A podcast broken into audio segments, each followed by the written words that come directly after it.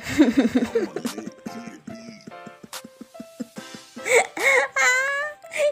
kembali lagi dengan Wipots, podcastnya anak wakos. Oke, okay.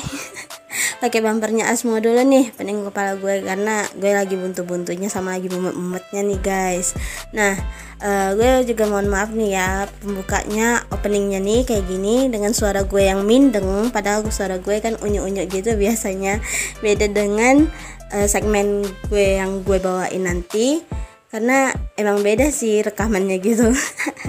Jadi hari ini tuh podcastnya spesial gitu guys. Ya ya dong spesial. Kan ada gue Bibi di sini. Yang akan bawain segmen bagasi. Lalu ada aku telingamu yang akan dibawakan oleh Ranu.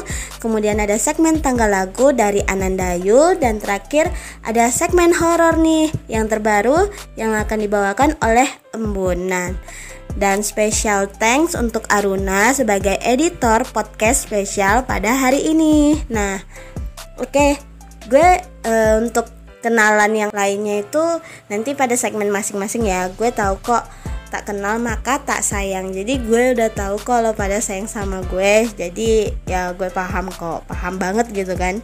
Dari awal kita ketemu lo pasti udah pada sayang sama gue. Ya, ya dong. Gue kan orangnya bikin orang-orang jatuh cinta mulu Oke, kita akan masuk langsung kepada segmen bagasi kita. Bacotan ngegas asik, check it out.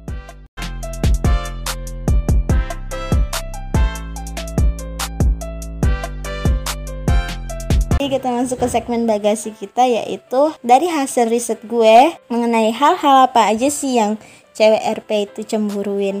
Uh, kayaknya cewek sebenarnya orangnya simple sih. Cuman untuk hal-hal beberapa cemburunya cewek itu kadang logik untuk cewek tapi nggak logik untuk cowok gitu loh.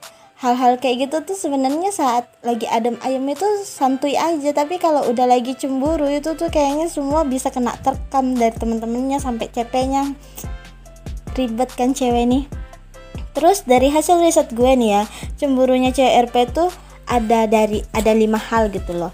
Ada dari cowok sering main game jadi jarang on.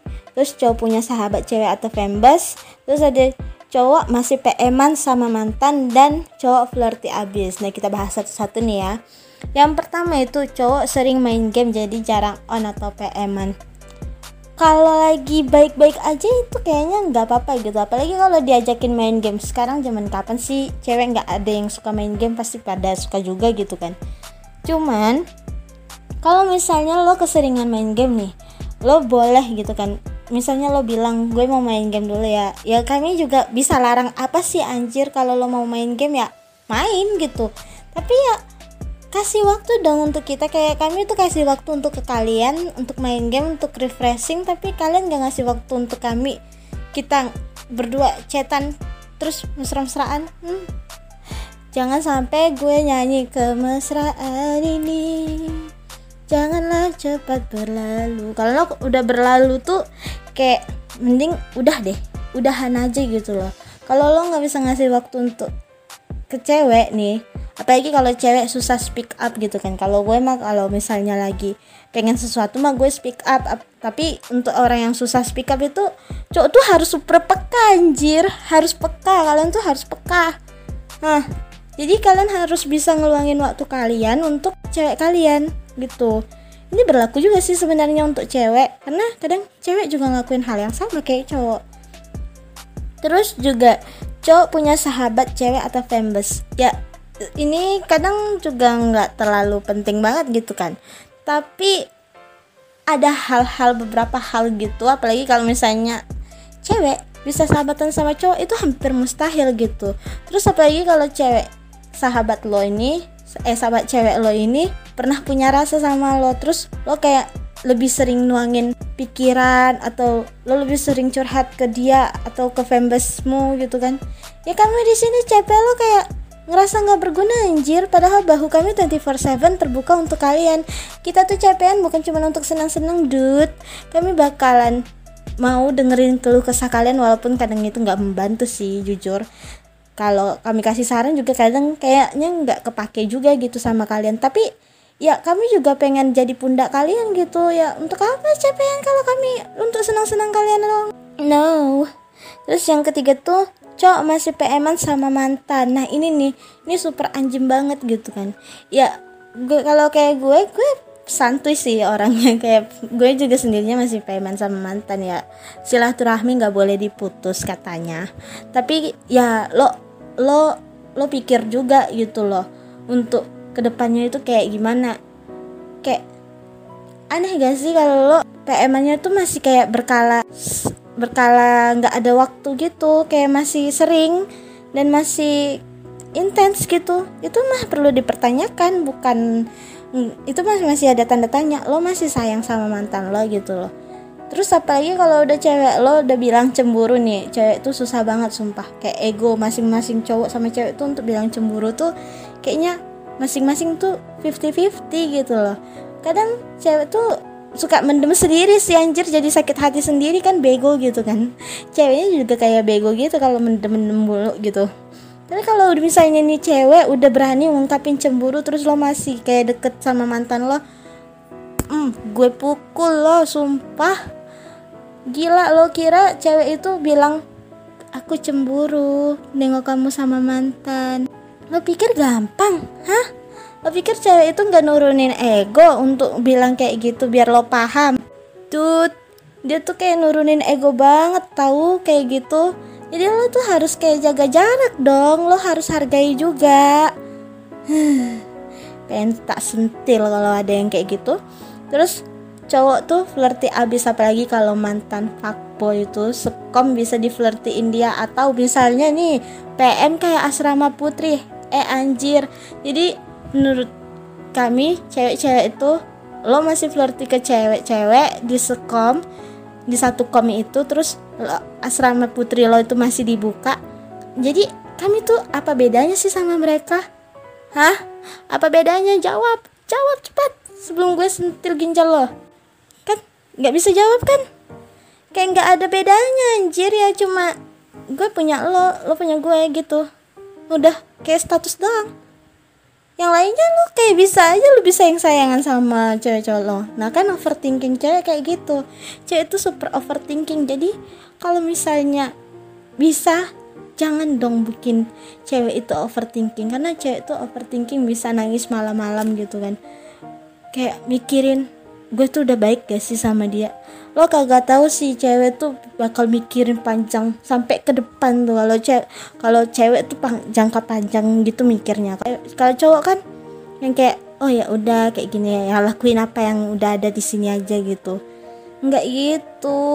Lo harus paham juga cewek tuh kayak gimana. Makanya gue bahas kayak ginian. Kalau lo nggak paham juga ya lo simak dulu betul-betul lo resapi lo pahami apa yang gue bilang kayak gini jangan nih ya kalau udah cewek cemburu tuh cewek cemburu tuh biasanya bakal langsung hilang tuh kan.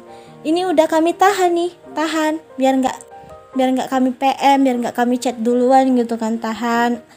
Tahan ayo aku bisa kok nggak usah PM dia dulu hilang dulu ya. Ayo hati kita kuatkan tabahkan pikiran kita juga. Kita tuh mau merajuk kita tuh mau dibujuk anjir mau dibujuk. Eh tapi lo pada nggak bujuk kan kayak sia-sia anjir gitu. Apalagi kalau kami tuh kayak pengen balik gitu kan. Wah dapat spam dapat minta maaf gitu kan. Maaf ya sayang atau kayak gini-gini. Ini nggak ada anjing. Malah kayak nggak peduli woi. Itu lo pada nggak peduli atau kayak gimana? Atau lo sebenarnya bingung itu mau mau bikin cewek itu kayak gimana? Jadi lo nggak balas apa-apa gitu ha emosi ya. Kayak itu juga kayak berlaku juga sih kayak ke gue. Ya pernah sih gitu kan. Kami tuh kayak pengen dibujuk pengen dibela-bela tapi nggak ada malah hilang. Lo pada malah hilang gitu kayak bodoh banget sih. Ini kok gue merajuk gue kayak nggak berhasil fail gitu. Jadi ya kayak mempercapek hati dan mempercapek diri aja sih ayo cewek-cewek kita kurang-kurangin ya kayak gitu. Karena kecewanya cewek itu sesimpel itu. Lo nggak nyariin dia atau lo kayak nggak PM dia aja itu udah overthinkingnya bung melambung tinggi. Apalagi kalau lo udah ghosting anjing. Gila. Kalau ghosting itu sih paling parah parah. Itu kayak CPN nama tembok. Lo mending baik curhatnya ke wall profile lo itu lebih baik daripada lo ngobrol sama CP lo. Hai tembok. Diem. Dibalasnya 10 tahun kemudian. Hai maaf ya. Maaf kepala lo pehang. Gampang banget gitu kan. Abis ghosting bilangnya maaf sibuk.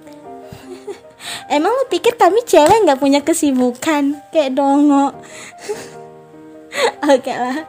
Daripada gue emosi nih ya kan. Makin lama makin emosi gitu gara-gara bahasan ini sumpah. Gue kayak naik darah sendiri kalau ngebayangin cowok-cowok kayak gitu semua. Tapi enggak sih. Untungnya haha nggak kayak gitu. Untungnya untuk uh, beberapa cowok yang gue kenal nggak ada yang kayak gitu. Ada sih. Ada sih beberapa yang kayak gitu. Ya gitu deh.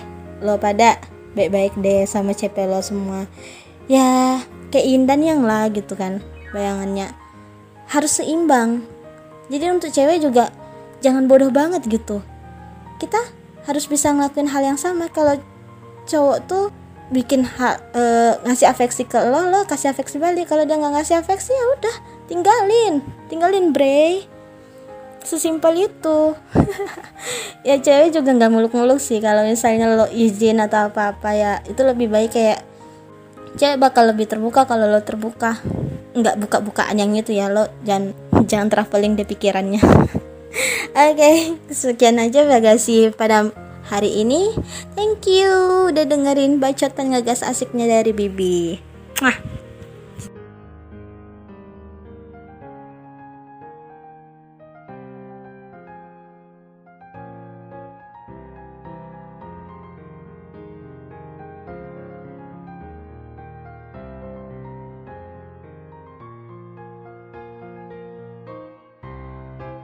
Oke, makasih buat Bibi yang udah bawain segmen bagasi.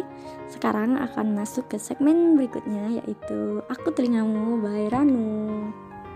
Nah, sekarang gue akan akan bawain problem-problem anak RP yang sering terjadi.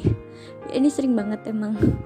Dan sekarang gue dapet problem dari sebut saja Memble. Dia kemarin PM gue terus tanya bagaimana sih cara cara kita NSA tapi nggak bikin orang tertarik sama kita? Pengertian NSA sendiri itu apa sih? NSA itu? Yaitu saat lo pengen melakukan kayak orang pacaran atau lo pengen kasih afeksi atau diberi afeksi tanpa adanya perasaan ataupun hubungan. Begitu secara garis besar ya. Terus masalahnya gimana sih biar orang-orang gak tertarik sama kita gampang sebenarnya.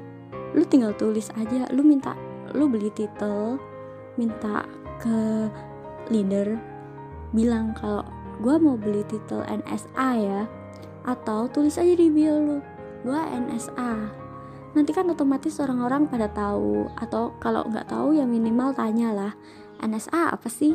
Tadi lu jelasin lu komunikasiin ke dia terus kalau ada yang mau deketin elu kan terang gitu loh liatnya.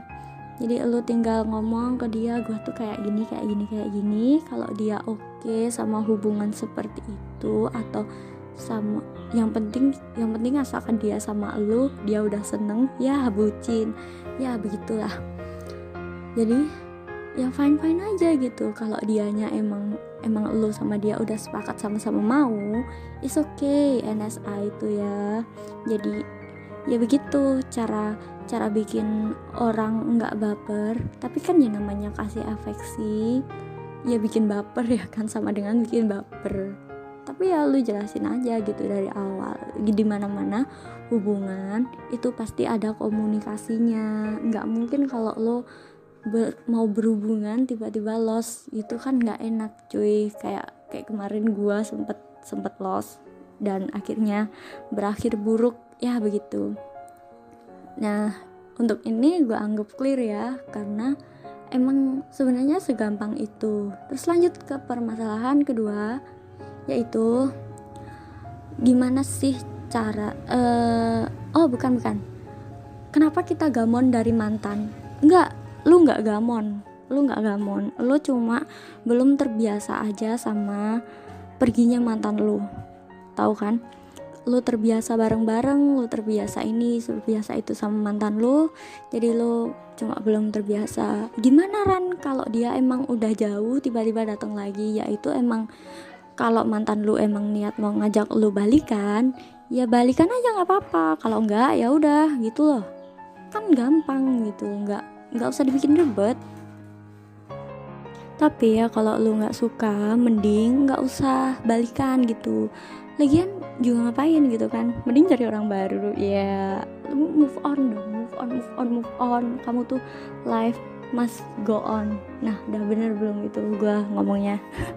Maaf gue buta Inggris. Ya begitu. Jadi jangan nggak lu tuh nggak gamon. Tanemin di diri lo kalau lu tuh nggak gamon. Lu cuma belum terbiasa aja. Jadi biasakan diri lo tanpa ada mantan. Oke okay? next yang selanjutnya adalah hypocrite atau orang munafik yaitu orang yang lain di mulut lain di hati alias muka dua alias ini alias itu banyak aliasnya. Udah dia itu jenisnya cuma satu tapi jumlahnya banyak. Iya kayak kuman. Udah kecil nggak kelihatan bikin sakit lagi ya kan bener. Dan mereka ini berbahaya banget pasti anak RP sering menjumpai orang-orang macam itu ya kan? Nah gimana cara kita menghindari sifat-sifat ini atau menghindari orang-orang ini?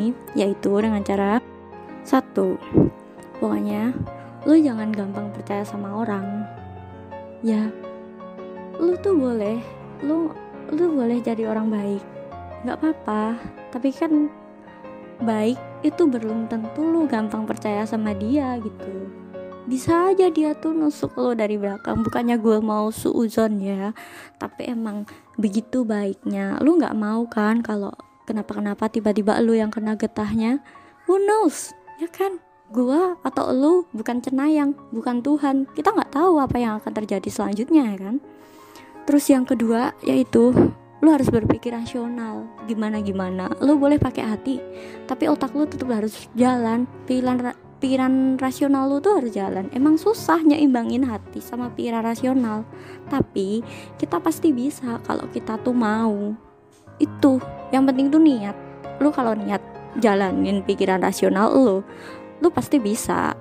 Dan yang ketiga yaitu jangan ngumbar-ngumbar janji. Lu DPR ngumbar-ngumbar janji. Mau jadi impostor lu. Sumpah ya jangan ngumbar-ngumbar janji orang munafik itu banyak yang suka berkhianat karena dia ngumbar-ngumbar janji. Nggak boleh ya jangan. Pokoknya kamu jangan jadi kayak buaya oke? Okay? yang ketiga yang keberapa tadi? Lupa. Ketiga ya kayaknya. Yang ketiga yaitu lu harus ikhlas lakuin apa-apa tuh secara ikhlas. Lu nggak boleh ngarep apa-apa lu nggak boleh nggak boleh ngedumel pokoknya jalanin aja ikhlasin aja. Ngalir aja santuy gitu loh. Hidup RP tuh nggak dibawa stres. Jangan.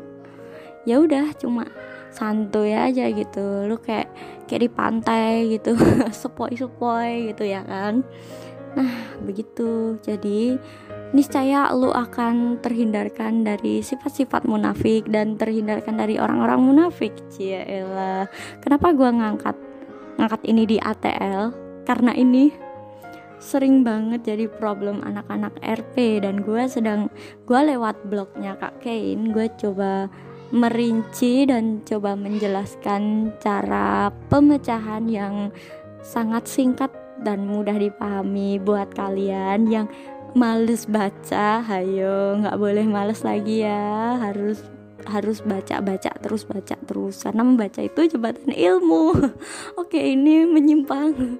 Ya udah segitu aja dari gue gue tahu kalau kata-kata gue banyak yang salah atau belibet atau gue kebanyakan mikir. Maafin gue karena gue emang belum terbiasa ngomong secara lancar pakai bahasa Indonesia seperti ini.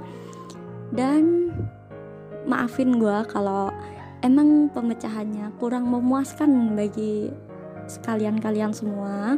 Gue udah coba yang terbaik. Ya gue udah coba yang terbaik. Gue udah minta saran dari ini dari itu. Gue udah minta saran dari si apa sih namanya? Dari yang bawain ATL-nya langsung. Ya pokoknya makasih udah dengerin.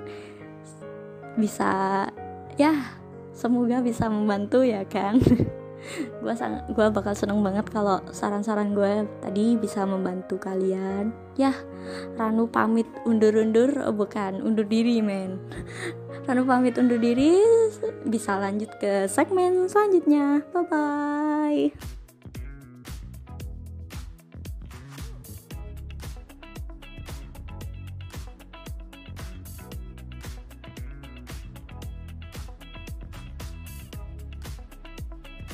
What's up, anak-anak tongkrongan Wakos? Welcome to Wipos. Cuma di sini kalian bisa mendapatkan tanggal lagu terupdate yang bakal gue bawain. yang tentu saja ya bisa jadi playlist musik di HP kalian. Jadi sebelum gue sajikan, gue mau, memperkenalkan diri. uh, nama gue itu Anandayu Embun Nasution. Lu bisa mau panggil gue Dayu, Ana, atau mungkin Embun, atau bisa lu panggil gue Gigi Burin. Oke, kalau kalian udah dengerin bacotan ya dari bagasi, ada juga curhatan di ATL dan waktunya kita nyantai. Nyantainya di segmen tanggal lagu. Jadi gue mau kasih nih lagu-lagu terupdate yang enak untuk didengerin. Jadi langsung aja ya check it out. Di posisi pertama ya ada Ardita Promonovit Aurelia Moremas yang judulnya I Just Called Say eh I, I Just Called Save Tonight. Aduh bahasa Inggris gua uh, apa ya namanya? uh, remet. Oke. Okay. Jadi gue mau jelasin sedikit. Ardita berkolab dengan uh, Aurel Moremas dalam lagu I Just Called Save Tonight yang rilis pada tanggal 21 Oktober 2020 untuk Host Story of Kale yang tayang di bioskop online. Jadi buat kalian yang penasaran dengan lagunya, langsung aja kita putarin. Lang, check it out. Wanna be my company From thousands of miles you will like it in here No need, no anniversary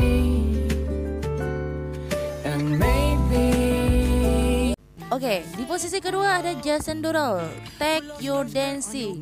Oke. Okay. Setelah hits dengan setelah hits dengan lagunya Save Love, Jason Derulo kembali merilis lagu terbaru pada 22 Juli 2020 yang berjudul Take Your Dancing. Sama seperti lagu hit sebelumnya, di lagu ini Jason mengajak Anda semua pendengar untuk berdansa.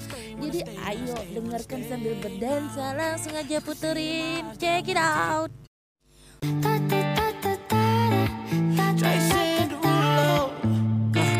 Skirt, skirt on your body. Performing just like my Rari. You're too fine, need a ticket. I bet you taste expensive. Pouring up, up, up, about a liter. If you keeping up, you should keep it. Tequila and vodka. Girl, you might be a problem. Run away, run away, run away, run away. I know that I should. But my heart wanna stay, wanna stay, wanna stay, wanna stay now. You can see it in my eyes that I wanna take it down right now if hope you know what I mean when I say Let me take you dancing. Two step to the bedroom. Banyak tipot nih. Oke, okay, ke posisi ketiga ya. Ada lagu dari DPR Ian So Beautiful. So beautiful, beautiful. Aduh suara gue kayak tai. Jadi langsung aja ya. DPR Ian atau disapa dengan Kristia Yu Baru-baru ini merilis single yang bertajuk So Beautiful pada tanggal 21 Oktober 2020. Jadi uh, kalian penasaran kan dengan lagu DPR Ian ini? Jadi langsung aja kita puterin. Check it out. Now come on, you know I just can't confuse.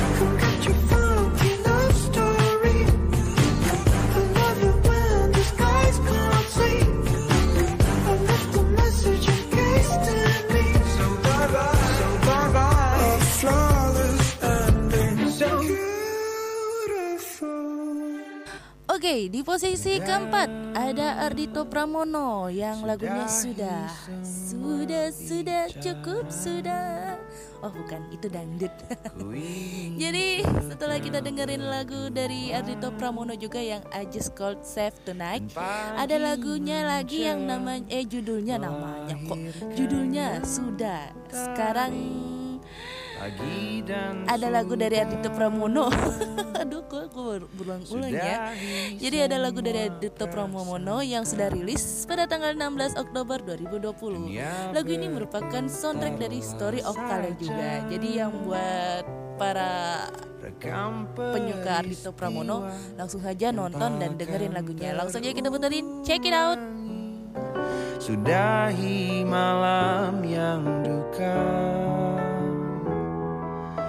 Dunia kau kan baik saja Hujan akan tiba Melahirkan pelangi Belajar memahami kelima ada Pink Sweet yaitu At My Words. At My Words merupakan lagu yang dilantunkan penyanyi sekaligus penulis asal Amerika Pink Sweet. Lagu tersebut rilis 2020 sebagai single terbaru yang termuat dalam album The Prulette. Jadi langsung aja check it out. Show you love, I don't pretend. Stick by my side even when the world is giving in. Oh, don't, don't you worry, I'll be there whenever you want.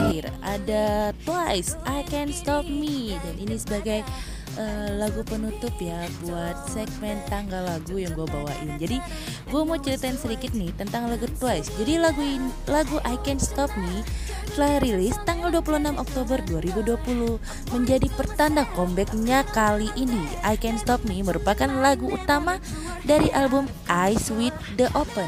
Jadi eh sekaligus ini lagu penutup gue ucapkan banyak terima kasih buat yang udah dengerin dan mohon maaf kalau misalkan ada sedikit ketipot-tipotan karena gue baru pertama kali menyiarkan segmen ini. Jadi langsung aja check it out dan bye bye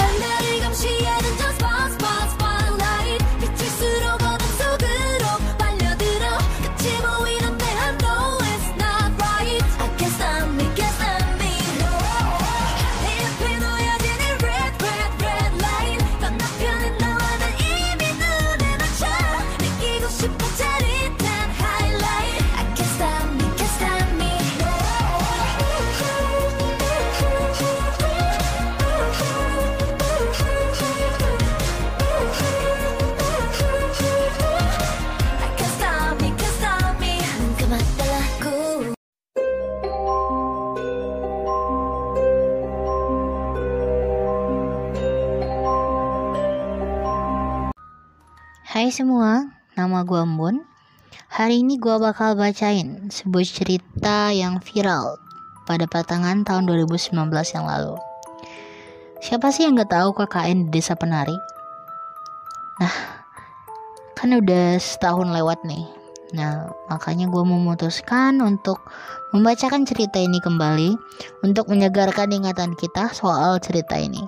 Karena gue denger nih akhir tahun ini tuh KKN Desa Penari ini bakal eh, bakal jadi sebuah film gitu kan. Karena thread dari akun yang nyeritain cerita ini tuh panjang banget.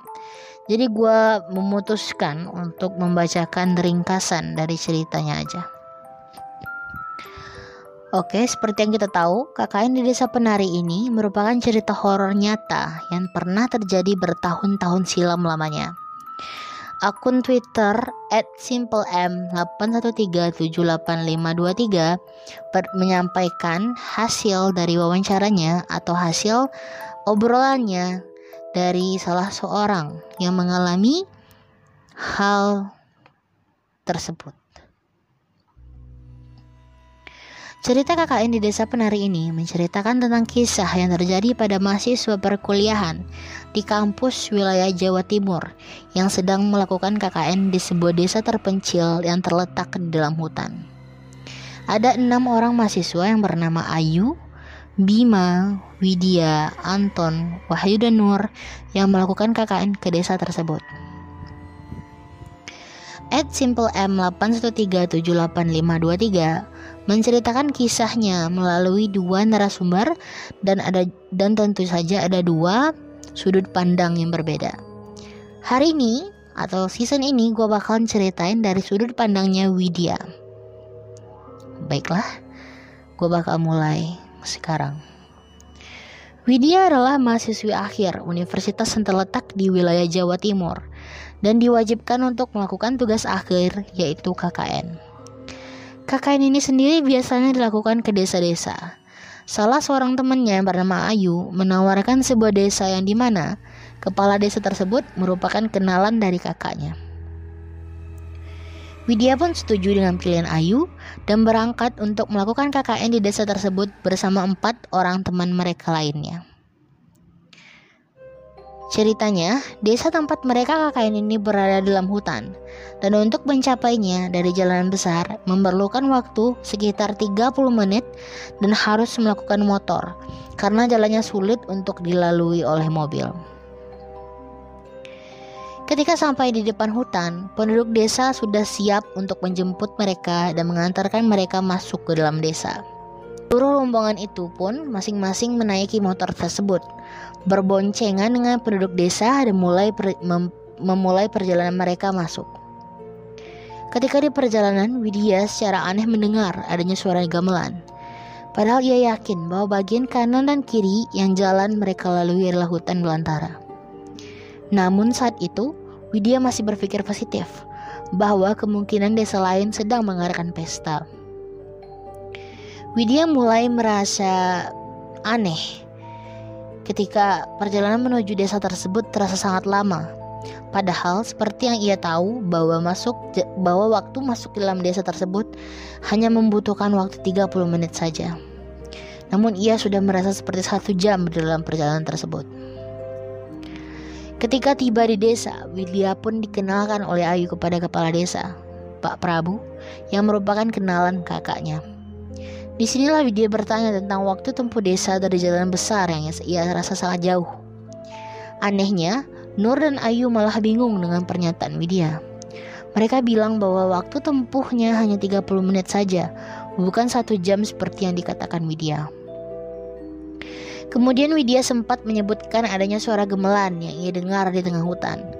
Dan Nur sempat mengiyakan apa yang dikatakan Widya tentang suara gamelan. Yang lebih anehnya, Nur bahkan sempat melihat seorang penari di tengah hutan. Ayu pun menegaskan bahwa itu hanya halusinasi dan menegaskan juga bahwa mereka tidak bahwa tidak ada terdapat desa lain di sana. Jadi tidak mungkin apabila yang dilihat Widya dan Nur adalah desa atau pesta di desa lain. Dari kejadian itu, Ayu menegur Nur dan Widya supaya tidak berkata yang tidak-tidak tentang desa tersebut. Dan akhirnya Nur dan Widya pun menyetujuinya. Penginapan mahasiswa Anton, Wahyu, dan Bima berlokasi di sebuah rumah gubuk yang dahulunya posyandu. Sedangkan mahasiswi Ayu, Nur, dan Widya menginap di rumah salah satu warga. Malam pertama pun berlalu begitu saja dan elok esok harinya mereka sudah berkumpul. Hari pertama ini adalah waktu seluruh mahasiswa atau mahasiswi diajak berkeliling desa oleh Pak Prabu. Yang aneh dari ketika keliling desa adalah pemakaman setiap batu nisannya ditutupi oleh kain hitam. Dan Pak Prabu menjelaskan bahwa itu adalah salah satu budaya di desa tersebut. Tempat berikutnya yang dikunjungi adalah sinden, kolam atau tempat air keluar dari tanah, yang disebut-sebut oleh Pak Prabu sebagai salah satu proker yang menjanjikan. Selanjutnya adalah tapak tilas, batas di mana mereka tidak diperbolehkan melintasi perbatasan ke jalan setapak yang kanan dan kirinya ditutupi dengan kain merah. Widya di sini merasakan keganjilan karena melihat setiap di jalanan desa banyak bang, banyak sesajen yang diletakkan. Pak Prabowo menyebutkan bahwa di bagian selatan Sinden terdapat bilik yang di dalamnya ada kendi air besar dan bisa digunakan untuk mandi. Hari sore menjelang malam. Semua mahasiswa kembali ke penginapan masing-masing. Kemudian, Widya mengajak Nur untuk mandi. Meskipun pada awalnya Nur menolak, namun akhirnya mereka berangkat untuk mandi. Nur mandi duluan dan Widya menunggu di luar. Ketika melihat kondisi sekitar, Widya mulai merasa perasnya tidak enak. Terdapat sesajen dan ada bau kemenyan dibakar. Dan lagi, Widya mendengar adanya kidung Jawa yang dinyanyikan dari dalam bilik. Ia menggendor pintu bilik, namun tidak ada jawaban. Sampai akhirnya Nur membuka sendiri pintu bilik dengan ekspresi bingung. Widi, gantian Widya yang mandi dan menyadari bahwa ia tidak sendirian di bilik itu. Setiap air disiram menyentuh wajahnya, ia menutup matanya.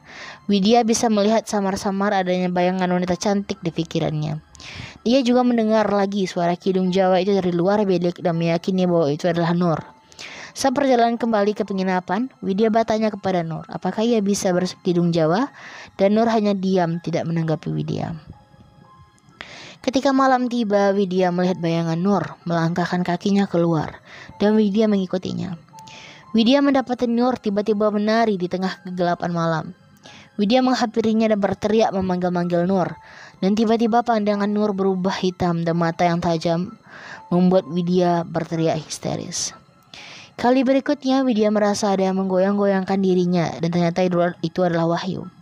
Wahyu menegur Widya karena menari sendirian. Teriak histeris Widya membangunkan seluruh isi rumah termasuk warga yang tinggal di rumah itu. Wahyu pun bercerita kepada warga bahwa ia hanya ingin merokok sebentar dan melihat Widya menari sendirian di tengah malam. Warga pun menceritakan kejadian tersebut kepada Pak Prabu. Esoknya, Pak Prabu meminta Widya, Ayu dan Wahyu untuk ikut pergi bersamanya ke rumah seorang tetua di sana yang bernama Mbah Buyut. Mbah Buyut menyambut mereka dan menjajakan kopi. Widya pun mencicipi kopi tersebut dan merasa kopinya amat sangat manis dan ada aroma melati di dalamnya. Anehnya, Wahyu dan Ayu yang mencoba kopi itu merasa kopinya sangat pahit dan tidak bisa diminum sama sekali. Saat akan pulang, Mbah Buyut memberikan kunir di dahi Wadi Widya yang dimaksudkan untuk melindunginya. Saat di perjalanan, Pak Prabu menyebutkan bahwa kopi yang disajikan adalah kopi untuk lembut, demit dan sejenisnya. Sehingga dia sehingga jika orang biasa mencicipinya akan merasa sangat pahit dan tidak enak. Ayu dan Wahyu kebingungan sambil memandang Widya. Pak Prabu menjelaskan bahwa ada mengikuti Widya dan Widya tidak boleh ditinggalkan sendirian. Mulai hari itu, mahasiswa pria dan wanita dibiarkan tinggal dalam satu rumah, hanya dipisah oleh bilik saja. Pak Prabu meminta agar mereka tidak melanggar etika dan norma. Kejadian aneh lainnya yang dialami Widya adalah ketika Nur sedang meminta minum air dari teko, kemudian memberikan kepada Widya. Anehnya, Widya tiba-tiba merogoh tenggorokannya dan menemukan satu sampai dua helai rambut hitam panjang. Saat dilihat di dalam teko air tersebut ada segumpal rambut hitam. Kejadian yang tidak terlupakan lainnya adalah ketika Wahyu mengajak Widya ke kota untuk membeli perlengkapan KKN mereka. Widya dan Wahyu terpaksa harus pulang petang hari dan melewati jalan hutan di tengah gelapnya malam. Tiba-tiba mereka harus menghadapi kejadian motor yang mogok dan bertemu dengan seorang kakek yang di tengah hutan yang tiba-tiba menawarkan bantuan. Pula sedang ada pesta besar. Widya dan Wahyu pun mengikuti pesta tanpa curiga, sembari menunggu motor mereka diperbaiki oleh sang kakek. Bahkan ketika ingin kembali ke desa, sang kakek membekali mereka dengan banyak makanan dari pesta tersebut. Widya dan Wahyu dibuat kaget ketika sampai di desa dan membuka bungkusan yang diberikan sang kakek di hutan tadi. Ternyata berisi kepala monyet dengan darah segar yang masih menetes. Suatu hari, klimaks dari kejadian ini pun tiba. Widya diperingatkan oleh penjaga, Nur, bahwa temannya tidak akan bisa lagi kembali dan sudah melakukan perbuatan nakal. Widya pun menaruh curiga kepada Bima. Bima memang satu-satunya yang tidak terlalu akrab dengan setiap orang-orang yang ada di kekayaan ini. Dan Wahyu sempat bercerita bahwa Bima sering kali keluar sendiri malam-malam. Di saat itu, Widya memergoki Bima keluar malam hari sendirian dan mengikutinya. Bima disebut-sebut sebagai anak yang religius. Namun Anton pernah sekali bercerita bahwa ia memergoki Bima onani dan sering kali terdengar suara wanita dari kamarnya. Ketika Widya mengikuti Bima, Widya kaget karena Bima menuju tapak tilas, wilayah yang dianggap dilarang oleh Pak Prabu. Namun untuk mengetahui apa yang dilakukan Bima, Widya pun nekat melewati tapak tilas tersebut. Di ujung tapak tilas, Widya menemukan sebuah sanggar tua yang pernah diceritakan oleh Ayu. Sanggarnya benar-benar berantakan.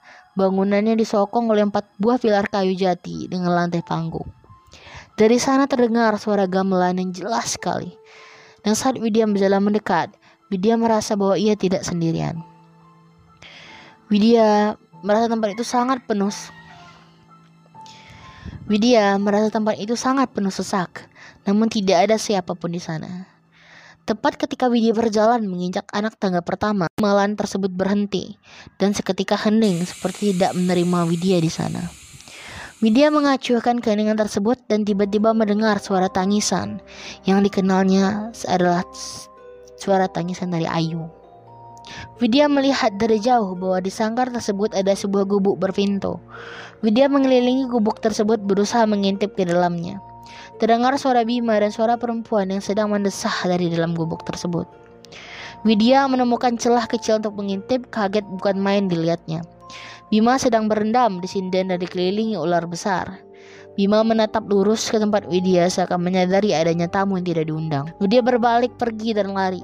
Namun tiba-tiba tempat yang tadinya kosong menjadi penuh sesak dengan orang-orang yang mengerikan. Dari yang melotot memandang Widya, wajah hanya separuh sampai yang tidak punya wajah sama sekali. Widya di depannya ada yang sedang menari. Tariannya membuat semua yang ada di sana melihatnya. Widya menyadari yang menari adalah Ayu. Widya melihat Ayu yang menangis dengan mata sembab namun mengekspresikan untuk Widya supaya lari dari sana. Widya pun segera berbalik dan lari. Sampai di jalan setapak, Widya melihat seekor anjing hitam menggonggong.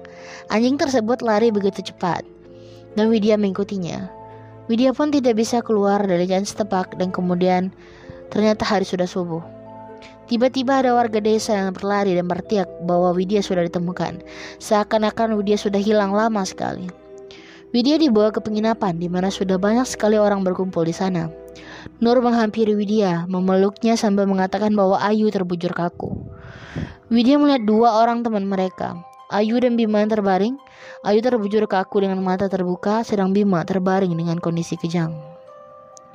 Mbah Buyut menjelaskan kepada Widya bahwa sindan yang ada di desa adalah sindan kembar, di mana yang satu adalah letaknya di desa dekat bilik mereka mandi, dan satunya adalah di mana Widya melihat Bima berendam dengan ular. Mbah Buyut menyatakan bahwa Bima dan Ayu telah melakukan hal yang tidak senonoh di sindan dan tidak boleh didatangi tersebut. Sehingga mereka berdua harus membayarnya dengan rohnya yang telah diharuskan menebus kesalahannya.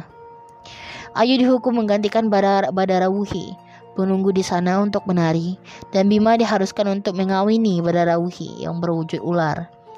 Akhirnya kejadian ini pun dilaporkan oleh pihak panitia KKN dan keluarga korban, Ayu dan Bima.